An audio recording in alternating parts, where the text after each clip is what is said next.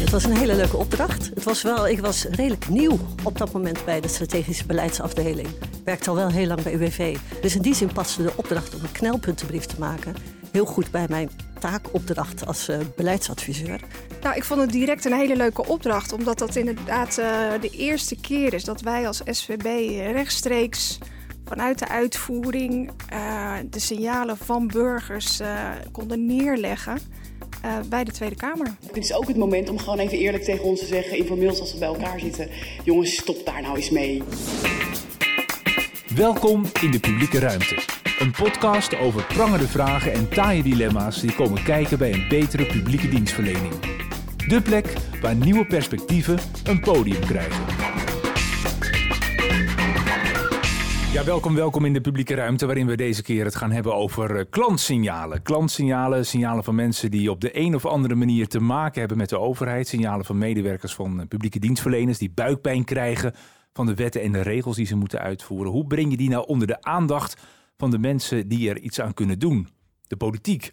Otto, heb jij uh, een lijstje van 06-nummers van Kamerleden in je telefoon dat je denkt, als ik een probleem heb met een publieke dienstverlener, dan bel ik daar gewoon rechtstreeks naartoe. Dan ga ik daar gelijk mijn gram halen? Of...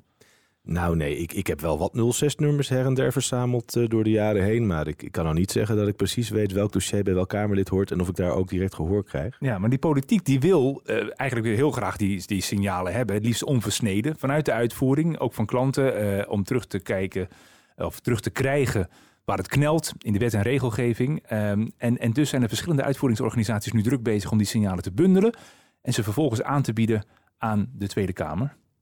Ja, Nee, dat klopt. En, en daar gaan we over praten vandaag in deze podcast. En we hebben uh, twee gasten aan tafel zitten. Uh, Miranda, Miranda Vermeulen, je bent strategisch beleidsadviseur bij het UWV. Van harte welkom. Dank je. En uh, naast jou zit Hanna Smet. Zij is adviseur strategie en externe betrekkingen bij de Sociale Verzekeringsbank. Ook van harte welkom. Dankjewel.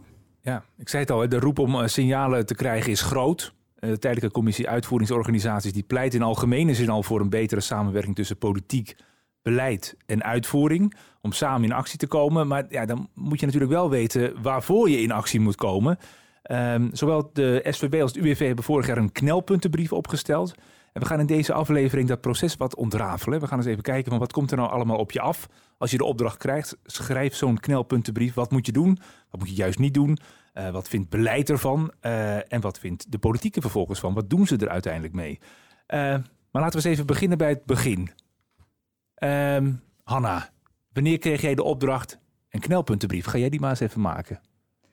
Ja, ik moest even terugdenken. Ik denk dat dat in januari 2021 was. En uiteindelijk is het in juni 2021 verschenen. Oké, okay, dus een halfjaartje. Ja.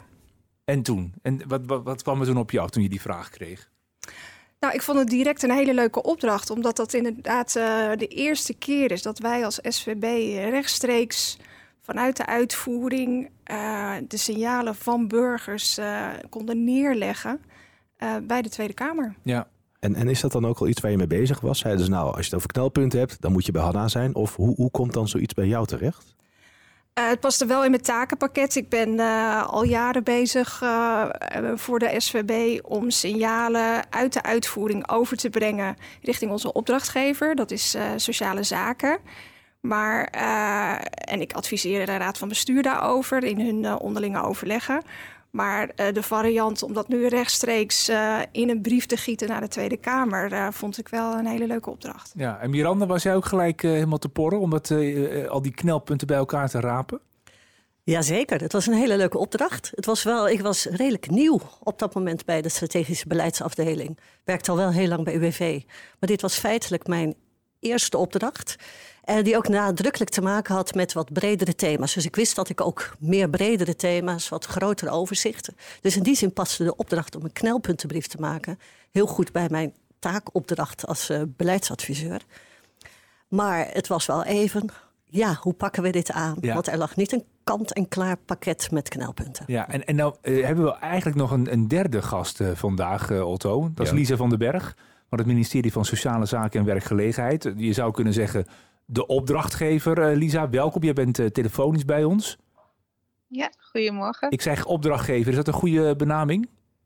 Uh, nee, nee. En ik zit ook helemaal niet hè, vanuit als opdrachtgever hier aan, of aan tafel, tussen haakjes. Ehm, ik coördineer de stand van de uitvoering en nou ja, daarmee ook werk veel samen met Hanna en Miranda op de knelpuntenbrief. En ik denk hè, de, de term ook opdrachtgever ik denk wat we bij zowel de stand van de uitvoering als de knelpuntenbrief hebben gemerkt, is dat juist die samenwerking tussen ons uh, drieën heel erg belangrijk is.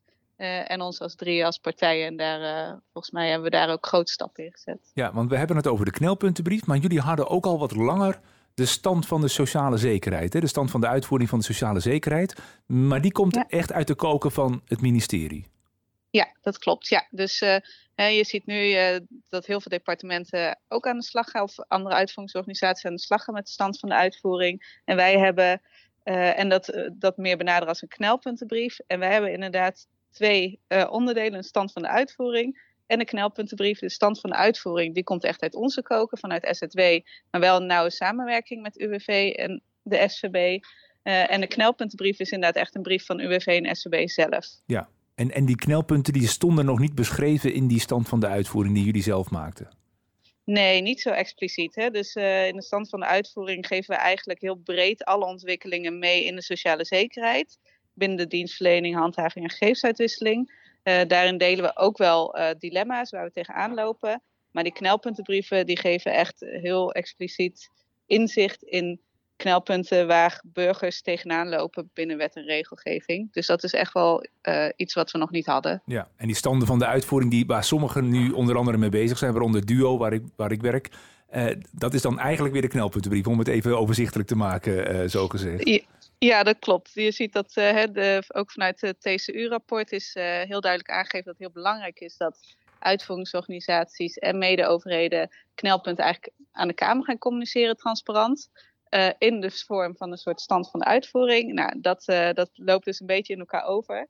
Uh, dus dat klopt. De, je ziet dat de stand van de uitvoering bij anderen meer een knelpuntenbrief is. Ja, ja. oké. Hey, en als je dan begint met een knelpuntenbrief, hè? Hanna, als ik eens even bij jou begin. waar begin je dan? Waren die signalen die jij moest gaan verzamelen, waren die al voorhanden? Of moest je dat helemaal van nul af aan gaan, gaan opzoeken? Waar, waar, heb je, waar ben je begonnen met, met het maken van zo'n brief? Wat zijn de vindplaatsen? Nou, ik had direct al wel uh, bij wijze van spreken de top 5 knelpunten uh, in gedachten. Omdat we die uh, in de jaren daarvoor toch wel heel systematisch hadden verzameld. En proberen aan te geven in bijvoorbeeld wetsevaluaties die regulier plaatsvinden. Of doorlichtingen, zoals dat dan heet. Um, dus dat vond ik logische plekken um, om dat te vinden. Ja, om, eens een beetje te gaan grasduinen. Hoe is dat bij jou bij, de, bij het UWV? Wij hadden iets minder kant-en-klaar liggen dan wat bij de SVB al het geval was. De SVB kende ook al wat maatwerkplaats. Dat moest bij ons eigenlijk nog helemaal op gang worden gebracht. Die hebben we nu wel. Dus eigenlijk zijn we veel met een zoektocht moeten beginnen van waar is er nou eigenlijk, wat zijn nou de knelpunten? Die zijn we in eerste instantie gewoon bij de verschillende beleidsadviseurs op gaan halen. Uh, en die zijn later nog weer geverifieerd breder in de organisatie. Maar met die toets op knelpunten, ligt die dan vooral intern bij medewerkers die buikpijn krijgen? Of ligt die ook al daarvoor? Ga je daarvoor ook inventariseren uh, bij klanten bijvoorbeeld, uh, om, om die knelpunten al gelijk uh, te benoemen? Nou, ik denk dat het in de wisselwerking ligt tussen onze collega's in de uitvoering met burgers. Uh, dus ja, waar, waar komt het vandaan? Natuurlijk van burgers en medewerkers die zeggen: Nou, ik, word, ik krijg veel klachten over onderwerp A. Of uh, ik, krijg in, ik heb inderdaad moeite om uh, goede dienstverlening uh, te bieden over onderwerp B. Zo krijg je dat te pakken. Ja. En die signalen zijn bijvoorbeeld binnen de SVB ook wel verzameld in de garages. De bedoeling is wel ondertussen een bekend instrument geworden. En daar zie je dus ook relatief veel casussen verschijnen over onze knelpunten uit de knelpuntenbrief. Dat hangt natuurlijk uh, met elkaar samen. Ja. Is, ja. Ik, ik, ben eigenlijk wel benieuwd, want blijkbaar is er dus al een soort informatie-infrastructuur, laat ik het zo noemen, met, met maatwerkplaatsen en een garage de bedoeling.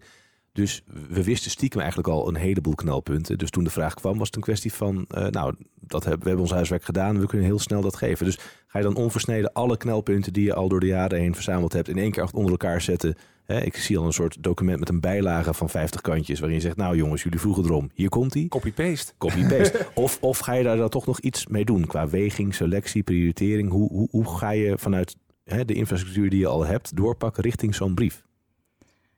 Nou, wat we bij de SVB hebben gedaan, is natuurlijk hebben we gefocust op knelpunten in wet en regelgeving. Daar valt ook al wel een en ander af. En wij dachten voor die eerste brief, uh, vonden wij het een logische aanpak uh, om knelpunten, de meest urgente knelpunten, uh, neer te zetten op onze grootste wetten. Ja. Dus op de AOW, op de kinderbijslag, op de AIO, op de ANW.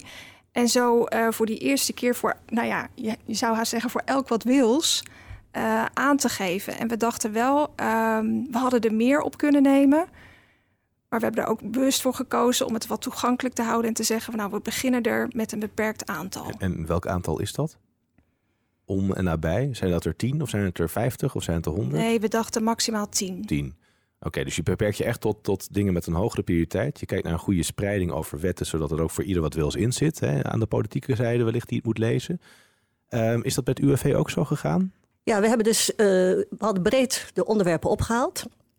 Uh, of die we dus zelf al kenden. En dat hebben we nog geverifieerd. En dan krijg je snel veel meer onderwerpen, rijp en groen, een beetje naar boven. Ja. En dan ga je dat wegen en kijken wat kenden we al en wat is echt ook een structurele probleem. Want dat is natuurlijk soms ook is het een individuele casus die tot een probleem leidt. Dus daar, hou, daar hebben we wel een bepaalde weging op proberen uh, toe te passen. Maar het is inderdaad uh, dan ook even kijken wat leeft er allemaal binnen de organisatie. We zijn als UWV een behoorlijk grote organisatie met heel veel wetten, verschillende bedrijfsonderdelen. Dus je wil ook misschien de politiek op verschillende manieren bedienen, maar je wil eigenlijk ook allerlei onderdelen vanuit de organisatie in die brief tot z'n recht laten komen. Oh, dat is wel interessant, want je wil dus eigenlijk dat zo'n knelpuntenbrief ook um, een, een, een feest van herkenning is voor mensen die bij het UWV of bij de SVB werken. Dus dat die zeggen, ja, uh, logisch. Dat je, dat je dus niet, dat, ja, dat je niet punten niet benoemt. Dat zeggen van Absoluut. dat mensen zeggen: hé, hey, wacht even, dan heb je een prachtige lijst gemaakt, maar uh, mijn punt dan. Absoluut. Het is ook echt nadrukkelijk een instrument waar de medewerkers binnen UWV heel veel belang aan hechten. Ja. Omdat zij ervaren in hun klantcontacten, zoals Hanna net ook zei, waar er soms problemen zitten bij burgers. Ja, is het dan ook een erkenning voor medewerkers dat die dan, dan, dat dan eind. Ja, je ik zie je allebei heel hard ja, knikken. Klopt. Ja, ja ik, ik herken dat heel erg. Ik voelde tijdens het opstellen ook wel, um, nou ja, die verantwoordelijkheid of die stem van mijn collega's in de uitvoering. Dat, uh, daar hebben we wel uh, recht aan proberen te en, en ook van eindelijk wordt het een keer gezegd. Eindelijk staat het nu een keer zwart op wit onder elkaar, bij elkaar, politiek. Pak hem aan. Ja, zowel politiek als ook gewoon inderdaad dat we richting de ambtelijke organisatie, richting het ministerie, gewoon ook duidelijk willen maken. Dit zijn echt problemen die niet alleen bij ons leven, maar binnen de hele organisatie. En daarmee gewoon eigenlijk bij burgers en ook thuis bedrijfsleven. Nu wil ik eigenlijk nog wel iets meer weten over die knelpunten, want we praten er nu al een poosje over. Um, hebben jullie misschien een concrete casus die je eens kan toelichten, Hanna? Van welk knelpunt staat er in zo'n brief? Want dan kan de luisteraars ook een beetje een beeld vormen over hoe groot of hoe klein het is. Wat, noemen ze een knelpunt? Ik kan er verschillende noemen, maar één waar ik uh, de afgelopen jaren zelf ook bij betrokken ben geweest, is een knelpunt. We hebben kinderbijslag, dat kent iedereen in Nederland. Maar er bestaat ook zoiets als dubbele kinderbijslag voor ouders die een zorgintensief kind thuis verzorgen. En we hebben gemerkt dat uh, die regeling niet volledig wordt gebruikt. Dus een hoog niet-gebruik. En dat mensen die aanvraagprocedure ook ontzettend ingewikkeld uh, vinden. En dat is een knelpunt wat we hebben toegelicht in combinatie met eigenlijk een medewerker uit de uitvoering die vertelt van nou ja, hoe, zien, uh, dat, hoe ziet dat klantcontact uh, over deze regeling eruit? Dus een filmpje in de knelpuntenbrief opgenomen. Uh, en met denkrichtingen aan de hand waarvan je zou kunnen die, dat niet gebruikt zou kunnen terugdringen. Want um, deze casus klinkt ook als iets wat je wellicht binnen je eigen invloedssfeer als SVB zou kunnen oplossen. Of ja. is dat niet zo? Gewoon beter oh, goed dat je het vraagt. Goed ja. dat je het vraagt. Nee, maar dat zit hem toch onder andere in, in de gewoon beter voorlichten. Want die krijgt bij ons, ik kan hem heel, ik, ik, herken hem een beetje in de niet gebruik aanvullende beurs, wat je bij ons uh, ook wel, wel ziet. Dan is er vaak de, uh, de, de, de de feedback die je krijgt ook van. van Tuurlijk, van elke uitvoerder zal het herkennen. Niet gebruik, doe eens wat meer aan voorlichting. Ja. Nou, ja. dat hebben we natuurlijk ook wel gedaan. Dus allereerst, dat is denk ik vanzelfsprekend ook voor elke uitvoerder. Als iets niet werkt, ga je kijken wat kunnen we daar zelf aan doen in onze uitvoering. Maar er zijn onderwerpen waarop je dan toch onvoldoende resultaat uh, boekt. En dit is zo'n onderwerp. En dat en wat, waar zit hem dat dan in? Precies, een wat moet de politiek over dan de... doen? Oh. Nee, maar ik ben wel benieuwd, uh, wat zo'n knelpuntenbrief gaat naar de Kamer. Dus die Mhm. lezen dat. Dus, dus wat is de rol van de Kamer in deze casus dan? De rol van de Kamer ehm, is ook, god, moet ik even heel goed denken. Wat daar... Is die er überhaupt? Want er zijn knelpunten die in je eigen invloedssfeer zitten. Dat is dus eigenlijk een, een soort note to self, roep ik maar even. Van jongens, dit moeten we beter doen. Eh, maar dat kost tijd of geld of dat is ingewikkeld. En die tijd of geld hebben we wellicht niet. Dat kan natuurlijk een, een escalatie zijn, kan ik me voorstellen. Op sommige punten heb je gewoon wetgeving die in de, in de wielen wordt gereden door andere wetgeving. Of die Ja, onvolledig nee, is. ik, ik, ik, moest, ik, moest- ik had even een kleine blackout. Maar eh, wat eh, de komende maanden voor gaat liggen, is een wetswijziging op die wet. Ja.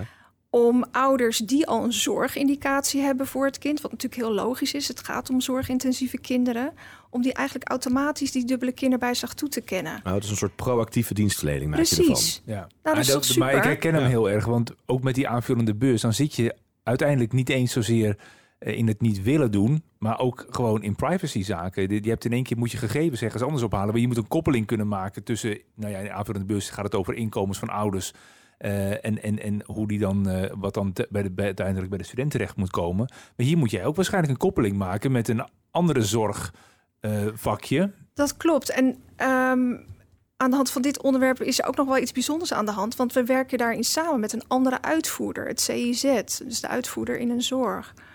En ik vond het ook wel bijzonder in het kader van de knelpuntenbrief. Dat was voor ons wel ja, spannend om richting een collega een knelpunt aan te geven wat onze keten aangaat. En ja, ik vind toch ook nog dat ik dat eh, moet zeggen dat CIZ daar ook heel, heel goed mee is omgegaan en ons eh, die ruimte ook heeft eh, gegund. Ja, want het zijn dus inderdaad wel interessante knel- knelpunten. Niet alleen eh, wat jij net zei, die je zelf kunt oplossen, die de politiek kunt oplossen, maar die je soms ook in een keten moet oplossen. Precies. Ja. Oké. Hebben jullie onderling veel contact gehad? Want eh, was het op voorhand de bedoeling, want de knelpuntenbrief is uiteindelijk verstuurd met de stand van de uitvoeringen, wat we net benoemden. Maar was het ook voor jullie samen dan een harde deadline 1 juli klaar en dan eruit? Of hoe, hoe werkte dat? Nou, die deadline heb ik wel gevoeld, ja. Maar ehm, we hebben daarna nog wel over gehad. We hebben heel weinig contact gehad. En ik denk dat dat ook gewoon heel ordinair was. We ervaarden de eigen stress om die deadline Ja. te halen. En dat proces voor de eerste keer voor elkaar te boksen. Althans, zo- zo was dat voor mij. Ja, voor jou? Nou, daar hebben we het later wel heel veel over gehad. We hebben in die zin eh, alle twee ervaren dat we gewoon rond januari deze opdracht kregen. En eind mei moest de brief toch echt wel gereed zijn om meegezonden te worden met de stand van de uitvoering in de periode juni. Dus dat was echt een eh, zoektocht. Hoe, wat willen we met deze eerste brief? Eh, hoe krijgen we een goede brief die echt gewoon ook door de organisatie gedragen wordt, de afstemming intern. Dus we hebben wel contact gehad, maar niet over de inhoud. Dus het was meer procesmatig. Nee, want, want iedereen zit nu met die stand van de uitvoering of met de knelpuntenbrief een beetje het wiel opnieuw uit te vinden. Het Duo is ermee bezig. De Belastingdienst heeft in januari eentje verstuurd. Er komen andere brieven nog aan. Hoe gaat die? Wordt er onderling een beetje gespart van hoe maar doen dat is nu wel dat? een belangrijk eh, verschil. Want wij zaten toen in de ene naar de andere lockdown. Heb ik later ook wel bedacht. Dus we zaten allemaal thuis achter een scherm ons ding te doen. En ik denk als je... eh, kijk, normaal gesproken spreek je een keer af eh, met Lisa in Den Haag. En Ja, je kunt reis toch je ook samen... gewoon even bellen. Nee, dat is zo. Maar heb jij dat niet eh, als je thuis werkt? Dat nou ja, het informele contact wordt Ja, toch minder. zo. Het is allemaal super functioneel. En wellicht heeft dat ook meegespeeld. Maar, maar zijn jullie nu ook al aan je mouw getrokken door andere uitvoeringsorganisaties? Van hoe hebben jullie dat gedaan? Daar gewoon even wat tips opgehaald bij jullie? Ja, wij- zijn wel door een paar collega's benaderd. Klopt. Ja, laten we eens even teruggaan naar het proces van eh, de knelpuntenbrief. Want we hebben net even nou, een beetje gevoeld van hoe gaat dat nou? Hoe haal je die knelpunten naar boven? De tijdsdruk eh, zat erop. Eh, en dan kom je uiteindelijk ook wel bij het kendepartement uit. In dit geval het ministerie van Sociale Zaken en Werkgelegenheid. Lise van den Berg. Ehm, jullie hadden al die stand van de uitvoering. Die moest in juli uitgaan. Zat er bij, vanuit jullie ook druk op het proces? Kom, kom met die knelpunten. Ehm, nee, nou ja, het zat er druk op. Ik, eh, ik ben het wel eens met Miranda en Hanna dat het natuurlijk, het was iets heel nieuws, die knelpuntenbrief. Ehm, en daar hebben we, dat was best een hoge tijdsdruk. Ik denk dat er bij de stand van de uitvoering altijd een bepaalde tijdsdruk zit. Dus dat is een beetje inherent aan het gehele proces. Ehm, en ja, druk, druk op de knelpunten mm, niet zozeer. Ik herken wel dat het eh, voor de eerste keer wel even zoeken was. Hoe we daar nou samen vorm aan geven. Of in ieder geval hoe UWV en SVB daar vorm aan geven. En wat wij daar dan voor rol in spelen. Nee, maar ik kan me voorstellen dat... Uh, want uh, vanuit DUO is er nog geen knelpuntenbrief over een stand van de uitvoering gekomen. Wij zijn daar wat later mee. Belastingdienst is ook dit jaar mee gekomen. Anderen zijn ook nog daarmee bezig. Je had ook kunnen zeggen, nou neem nog even de tijd. Volgend jaar kijken we dan gewoon weer verder. Dus er zat wel een soort urgentie. Zat die urgentie uh, kwam die vanuit, vanuit jullie of vanuit uh, ook vooral de uitvoering? Jij wil wat over zeggen, Miranda? Nou, wat heel interessant was, was en dat was natuurlijk ook de zoektocht van SZW, van hoe er liggen dan straks twee brieven van de SVB en UWV. Hoe gaan we daarmee om? En eigenlijk gaandeweg de maanden werd ook duidelijk dat, dat SZW graag wilde reageren in de stand van de uitvoering op de punten die in de knelpuntenbrief waren opgenomen. Dus dat ontstond eigenlijk in de loop van die maanden ook, dat gelijk eh, de SZW gewoon die betrokkenheid. Niet zozeer betrokkenheid bij de brief, maar wel wilde weten wat er in de brief, omdat ze gewoon de kans wilden nemen om in ieder geval de stand van de uitvoering rechtstreeks al een beetje te reageren. Maar hadden jullie de behoefte om er met de stofkam doorheen te gaan uh, bij het ministerie? Uh, nou, het, het was uh, nieuw natuurlijk. Dus je merkte, ja, persoonlijk heb ik dat zelf nooit zo gehad. Maar je merkte wel bij collega's die heel erg op die inhoudelijke dossiers zitten, dat dat inderdaad even wennen was. Van, oh, welke knelpunten gaan er nu komen? En ja, wat, wat gaat het dan met ons werk doen? En hoe, ja, daar willen wij ook iets van vinden van zo'n knelpunt. Hè? Want we werken juist ook met UV en SCB samen op deze dossiers. Dus dat was voor iedereen gewoon wel echt een spannend proces. En hoe daarmee om te gaan. En het is natuurlijk ook heel nieuw dat knelpunten zo transparant worden gedeeld. Dus uh, dat was uh, even zoeken en even wennen. Ja, ja. En, en zijn er dan ook veto's uitgedeeld? Dat er collega's zeiden van nee, deze mag er echt niet in? Nee, dat was uitdrukkelijk echt uh, dat daar als coördinator van de stand van de uitvoering en eigenlijk ook in samenwerking met Miranda en Hanna was wel um, uitdrukkelijk meegeven dat we niets aan die brief doen. De brief is echt van UNV en de SVB. Uh, wij kunnen aangeven als er echt feitelijk onjuistheden in staan. Uh, maar tot zover reikt onze, onze macht erin. Uh, ja. Oftewel, nee, dat hebben we niet gedaan. En hoe hebben jullie dat ervaren, Hanna? Ik wilde dat net zeggen. Van, dat klinkt heel vanzelfsprekend, maar dat is natuurlijk wel een heel groot compliment waard. Dus dat hebben wij Van jullie voor, de, voor het ja, departement? Dat hebben wij heel erg gewaardeerd die ruimte, dat vertrouwen, die vrijheid. Ja. Dat was heel bijzonder. Maar hoe verdien je dat? Nou ja, het kenmerkt uh, de samenwerking zoals ik die ervaar met, uh, met SZW uh, van de nou ja, ik heb het dan de afgelopen jaren meegemaakt. Dat hebben wij natuurlijk ook altijd uh, vice versa nagestreefd om uh, die transparantie er ja. dus, dus eigenlijk bouwen jullie voort op een, op een relatie die al de afgelopen jaren tot stand gekomen is op basis van meer misschien gelijkwaardigheid, samenwerking. Hè? Eh, Precies. Uh, dus dit is een logische volgende stap in het geheel. Ja. Ja. ja, dat kan best spannend zijn, Martijn. Want jij zit in een, in een ja. andere sfeer met duo en dan heb je, heb je OCMW. Uh, denk je dat, dat de cultuur van zo'n ministerie en haar, haar uitvoeringsorganisaties hier een rol in speelt? Hoe schat jij dat? Ik, ik denk dat het per. Uh, elk ministerie heeft, denk ik, weer een andere relatie met de uitvoeringsorganisatie. En uh, dus ik kan me heel goed voorstellen dat het van uitvoeringsorganisatie en van ministerie tot ministerie verschilt. Hoe, hoeveel ruimte je erin krijgt en hoe, hoe daarna wordt gekeken. Maar dit, dit klinkt als. ja, we gaan er echt samen voor. Hoe heb jij dat ervaren, Miranda? Of kun je je voorstellen dat er bij andere ministeries en uitvoeringsorganisaties anders is? Ik kan me dat voorstellen dat het anders is. Want het is natuurlijk ook heel complex. Uh, want het is voor de ministerie natuurlijk ook niet altijd makkelijk om knelpunten zo benoemd te zien, omdat het heus niet bewust is om knelpunten tegen te houden. Er zit hangen vaak gewoon, het is zo'n speelveld van allerlei problemen om ze ook weer op te lossen. Er zitten zoveel dilemma's vaak aan knelpunten. Dus het is ook best wel lastig om die ineens zo in de openheid te hebben. Maar inderdaad, zoals Hanna zei, we hebben echt gewoon ervaren dat we gewoon die ruimte kregen van het ministerie. Tuurlijk hebben we wel ook, laat ik het anders formuleren, wij hebben wel ook bewust rekening gehouden met het feit dat we geen hele nieuwe knelpunten zomaar ineens op tafel zouden uh, leggen. Dus dat het wel in ieder geval onderwerpen waren waar we ook gewoon met het ministerie overal in gesprek zijn, waren. Zodat elkaar niet wist, verrassen. Dat je elkaar inderdaad niet verrast. Want dat is natuurlijk in die zin is dat ook dat je ook gewoon je krijgt vertrouwen. Dat je dat ook niet moet beschamen. Ja.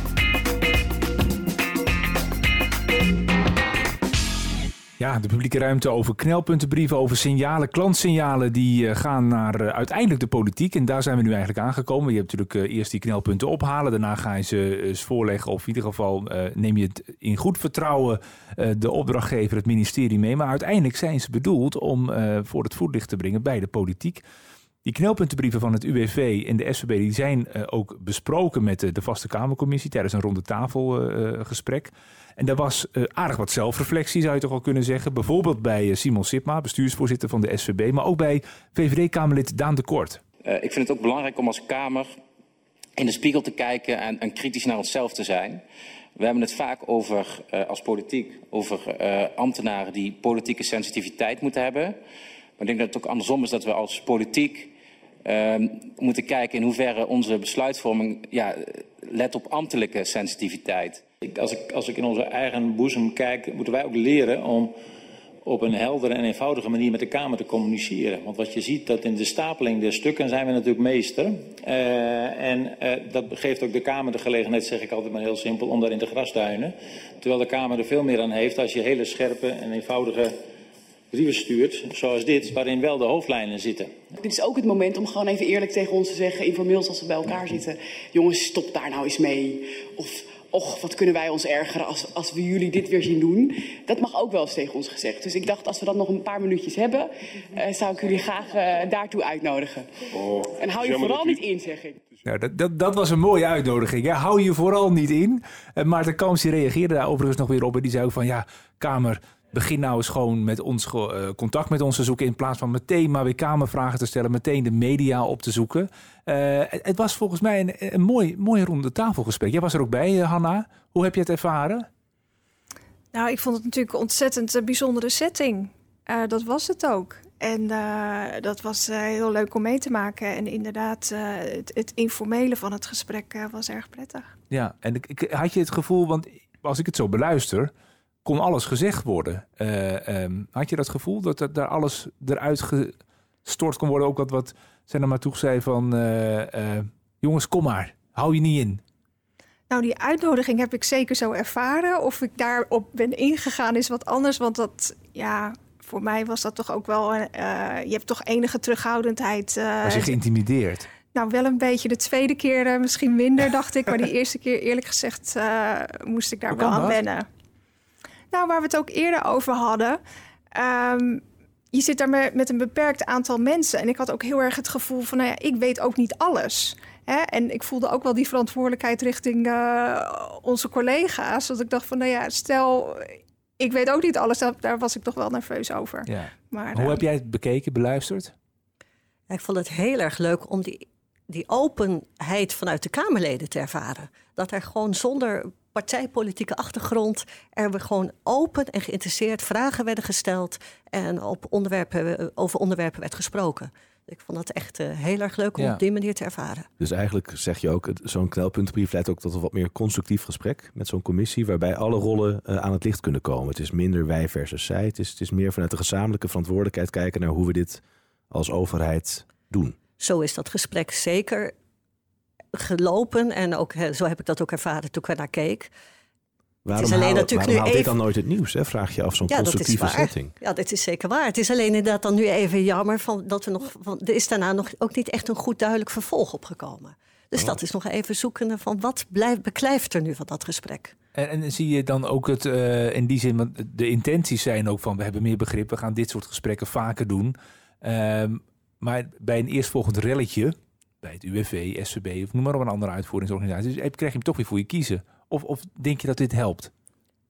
Nou, ik zie het glas wel graag half vol. Ik vond het echt een mijlpaal in meer rechtstreeks contact tussen politiek en uitvoering. Uh, zo wil ik hem ook uh, beschouwen. En dat komt ook langzamerhand op gang. Dat dat nu 180 graden gedraaid is en dat men bij een, een, incident of een issue ons direct belt in plaats van bij wijze van spreken de Telegraaf. Dat hoeft voor mij ook niet. Maar het is wel degelijk een start uh, van wat meer rechtstreeks uh, contact over de uitvoering. Je vindt Miranda te uh, sceptisch hierover? Nou, nee, dat wil ik niet zeggen. nee, en ik denk ook zeker nee. Want ik, als je dus kijkt naar relletjes, het wijzen naar UWV... dat zien we echt ook steeds minder Ja. dan een aantal jaar geleden. Ja. Dus ik denk dat er echt absoluut veel meer begrip en voor uitvoerende instanties is gekomen. Heb jij trouwens 06-nummers uitgewisseld met Kamerleden, nu, nu je er toch was bij dat ronde tafelgesprek? Dat je dacht, nou, ik kom eh, wel even direct op de lijn. Of zij bij jou? Nou, er is eigenlijk iets anders aan de hand. Dat we als SVB ook eh, nou ja, nieuwe collega's eh, hebben aangenomen... die eh, die contacten eh, wat meer eh, kunnen ondersteunen. Dus eh, Oké. Account managers of zoiets? Ja, public affairs eh Lobbyisten? collega's. Ja, Oké. nou, die bijvoorbeeld meer aandacht eh, geven aan het organiseren van werkbezoeken. Hè, of dat wat meer eh, aanbieden, wat actiever aanbieden. Natuurlijk stonden we altijd open voor werkbezoeken of eh, dat iemand eens kwam kijken in de praktijk. Ja. Maar ja, je snapt ook als je dat wat actiever aanbiedt, dan gebeurt het ook eerder. En de knelpuntenbrief helpt daarbij, want dat geeft direct ook een agenda over, over welke onderwerpen zou het kunnen gaan. Hoe beluister jij dat, Lisa? Eh, Dat eh, dus nu vanuit beleid dat de uitvoering dus mensen heeft aangenomen die juist die contacten met de Kamerleden moeten intensiveren. Ehm, ja, vind ik alleen maar goed. Ehm, dat lijkt mij goed. Het lijkt mij gewoon goed als er nog meer begrip eh, komt over eh, hè, hoe het allemaal werkt en hoe we er samen eigenlijk eh, hoe we het samen kunnen verbeteren. Ja. Maar dan is niet de angst van, eh, oh, oh, oh, ze gaan ons eh, in de wielen fietsen. Straks komen de beelden zo toch Nou. eh, redelijk ongefilterd langs ons heen bij Kamerleden. Ja, nee, het zou niet eerlijk zijn als ik zeg, zou zeggen dat er helemaal geen angst zit. Persoonlijk heb ik die angst niet. maar het blijft natuurlijk altijd hè, dat, een, dat, dat het departement ook een bepaalde rol heeft en daarin een bepaalde verantwoordelijkheid, de ministeriële verantwoordelijkheid. Ehm, en eh, nou ja, die, eh, die moeten we ook bewaken.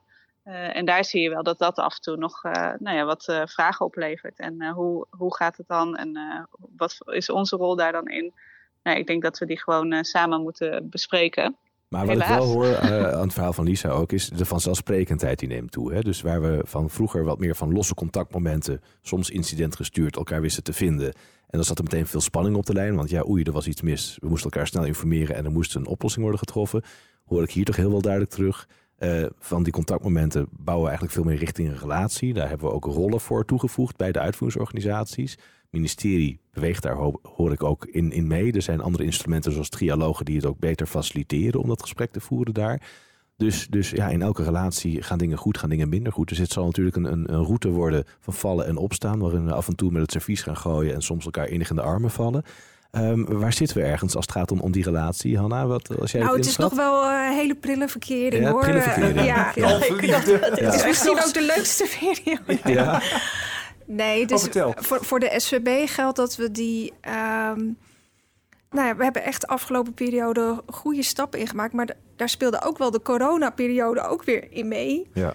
Ehm, dat een bezoekje of een kop koffie was gewoon minder vanzelfsprekend. Terwijl dat natuurlijk eh, wel ontzettend eh, handig en prettig kan zijn. Dus, dus de verkering komt nu uit de coronatijd en nu gaan we elkaar wat vaker fysiek tegenkomen. En dan zien we ook eh, eh, dat die, ja, hoe lang iemand Hoe is. serieus bijvoorbeeld. het is. Ja, Ja, en we hopen dat het niet tegenvalt. Ja. Ja. Ja, en het is natuurlijk nadrukkelijk ook even toevoegen, want het is natuurlijk ongelooflijk mooi dat deze contacten gaan lopen. We hebben inderdaad ook gewoon initiatiefwetsvoorstellen. En vroeger was het natuurlijk de Okase kok. Nou, die zie je steeds meer losgelaten worden. Maar het is echt die zoektocht van wat kan en mag. Ook bij medewerkers van de UWV, van wat kan je hierin doen. Ja. En ja, daarnaast hebben wij natuurlijk ook nog hele belangrijke andere partners, de sociale partners. We hebben natuurlijk echt met werkgevers en werknemersorganisaties te maken. Dus we zitten ook wel in een hele ingewikkelde constellatie. Dus daar is ook gewoon die zoektocht van welke rol mag je, kun je als een uitvoerende instantie nemen in een wereld die meer is dan alleen in die trialoogsituatie. Eh, want we hebben ook gewoon nog een hele grote buitenwereld die ook gewoon financiële belang hebben, zoals bijvoorbeeld werkgeversorganisaties, bij keuze die gemaakt worden. Dus het is een hele complexe wereld. Dus daardoor ben ik misschien in sommige gevallen wat terughoudender, omdat ook de wereld waarin UWV zich begeeft heel complex is. Nou, dan hebben we het gehad over knelpunten. We hebben het, zijn het proces een beetje langsgelopen. Van hoe verzamel je ze nou? Hoe, hoe reageert beleid? eh, politiek, hoe breng je ze uiteindelijk bij de politiek? Het belangrijkste is natuurlijk, ja, jullie gaan alweer bezig met de volgende knelpuntenbrief. Maar is er voor die tijd al, zijn er al dingen veranderd, Otto? Ja. Denk je, zijn er- heb je, Wat levert dat nou op? Ja. Nou, Voorstellen om de wet te wijzigen. ja, maar heb je daar concrete voorbeelden van, eh, eh, Miranda? Heb, je, heb jij al gezien van, hé, hey, Dat Ja. heeft echt zoden aan de dijk gezet. Jazeker. Wij zagen, eh, een van de punten die ook genoemd was, was het debiteurenbeleid. Dat is ongelooflijk streng, was dat. Echt een, eh, een terugbetaling aan de UWV moest echt strikt binnen twee jaar. Zelfs als een persoon aangaf, van, ja, dat zou eventueel in drie jaar tijd zou het wel lukken. En die meer ruimte is nu gecreëerd. En daar had je de politiek dus ook bij nodig. Die Daar hadden die we absoluut de politiek bij nodig. Ja. Ja, Ja. Bij de SVB? Eh, er ligt een, eh, een- wetsvoorstel in voorbereiding om eh, de terugwerkende kracht van een regeling ehm, nou ja, mogelijk te maken. Dus ouders lopen minder eh, die dubbele kinderbijslag eh, mis. Ja. En dat is wel eh, winst. En we kunnen voor ouders met al een eh, WLZ-indicatie in de toekomst die dubbele kinderbijslag direct toekennen. Ja. Nou, dus dat is die proactieve dienstverlening. Precies. Overigens nog even wat bij opviel bij de knelpuntenbrief die jullie allebei hebben gemaakt. Van de buitenkant zien ze ook er totaal verschillend uit. De een heeft eh, veel visuals gebruikt, de ander is hij gewoon wat- Filmpjes ook, hè? Ja, filmpjes. Ja. En, maar bij, bij het eh, UWV is hij volgens mij wat, wat zakelijker opgesteld.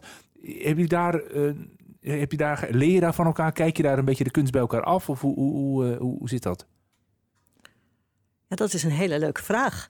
Eh, want inderdaad, op een hadden wij de brief. En toen zagen we dat hele mooie format van de SVB. Dat je denkt, oeps, Jaloersmakend? beetje jaloersmakend wel. Maar toen dacht ik, ach, we hebben ook vanuit onze eigen manier ook gewoon een goede brief. Dus het is eigenlijk, in die zin maakt het ook wel leuk dat er geen format is. Omdat je ook misschien wat meer de eigenheid van die organisatie terug kan laten komen. Ja, en een maar- eigen stijl daarin kan hanteren. Precies, en we hebben toch eigenlijk nu ook wel het gesprek erover dat het meer over relaties gaat. Geen, geen relatie is hetzelfde, heb ik altijd begrepen. Dus eh, Daarom. misschien moet je Ja. daarin ook je eigen kleur en Ja. je eigen sfeer kunnen kiezen. En wij waren bijlage 2 bij de stand van Oh, de dat uitvoering. doet nog steeds pijn. Dus wij moesten er natuurlijk wel een beetje uitspringen. Oh, jullie waren Ah. bijlage 1, de UWV.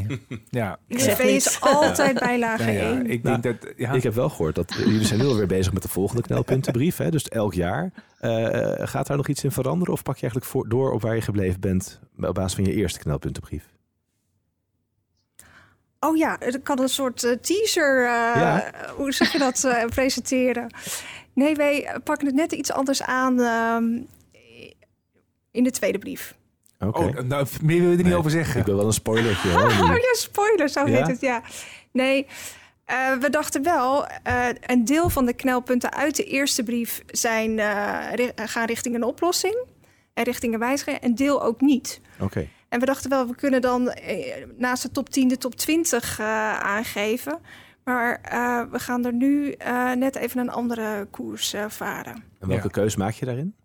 Om wat meer wetoverstijgende knelpunten. Overstijgend. Oké. Dus, wat het is je deel straks 1 al zei, en een deel 2. Precies. Dus overstijgend is niet enkel in de eigen invloedssfeer, maar bijvoorbeeld ook dat voorbeeld waar je het straks over had met het CIZ samen, of dat hè, waar wetten meerdere partijen bij Nee, elkaar meer brengen. knelpunten die in meerdere van onze regelingen spelen. Ah, Oké, oké.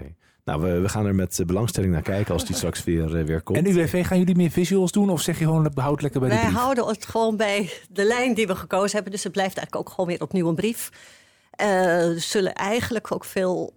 Er komen nieuwe onderwerpen in, maar eigenlijk is het het uitdiepen van, brieven die we, eh, van onderwerpen die we in de eerste brief hebben Ja. aangestipt. En dan is even het verzoek aan Lisa dat dan dit jaar eh, SVB 1 is en UWV 2. Hè? Dat Nee, we weet- hebben iets Nou, anders dat is wel een leuke afgesproken. brug. Ja, Oké. dat is wel een leuk bruggetje. Want eh, hè, de knelpuntenbrief gaan nog steeds tegelijkertijd met de stand van de uitvoering mee. Maar eh, we gaan het versturen als de stand van de uitvoering en knelpuntenbrief. Hè, omdat het gewoon een heel belangrijk, hè, het grijpt op elkaar in en het is samen belangrijk. Oftewel, het worden geen bijlagen meer. Het zijn Kijk. gewoon drie één brieven die naar de Kamer gaan. En dan, eh, waar, maar dan is even de volgorde eerst SVB of is het, wordt, er wordt nog over gesproken? niet, hoor. Nee, mag We niet. kennen ons. Tot slot, hè, want eh, ik, ik kan me voorstellen dat andere uitvoeringsorganisaties die meeluisteren en denken van, hé, hey, wij zijn ook al, hebben ook stappen gezet. Even samengevat, wat zou je nou, Hanna, als belangrijkste tip willen meegeven aan uitvoeringsorganisaties en ook misschien aan departementen die in dit proces zitten? Nou, aan collega-uitvoeringsorganisaties, begin op tijd. Maak het jezelf ook niet te moeilijk, want de knelpunten zijn al bekend in je organisatie. Bij de collega's in de uitvoering, in de vorm van klachten, waar ze het meest over gebeld worden, waar ze het meest tijd aan kwijt zijn. Dat zijn de onderwerpen eh, waar je je op moet storten, Ja. denk ik. En Miranda? Ja, ik denk dat dat ook mijn eerste tip was die ik opschreef. Van zorg dat je gewoon inderdaad die belangrijkste knelpunten neerlegt. Want dat wordt dan ook breed binnen de organisatie. Iedereen herkent dat. En draag, die, die thema's worden ook gedragen. En dat is dan ook heel mooi om daar gezamenlijk op te lopen. Ja, en vanuit beleid nog, Lisa?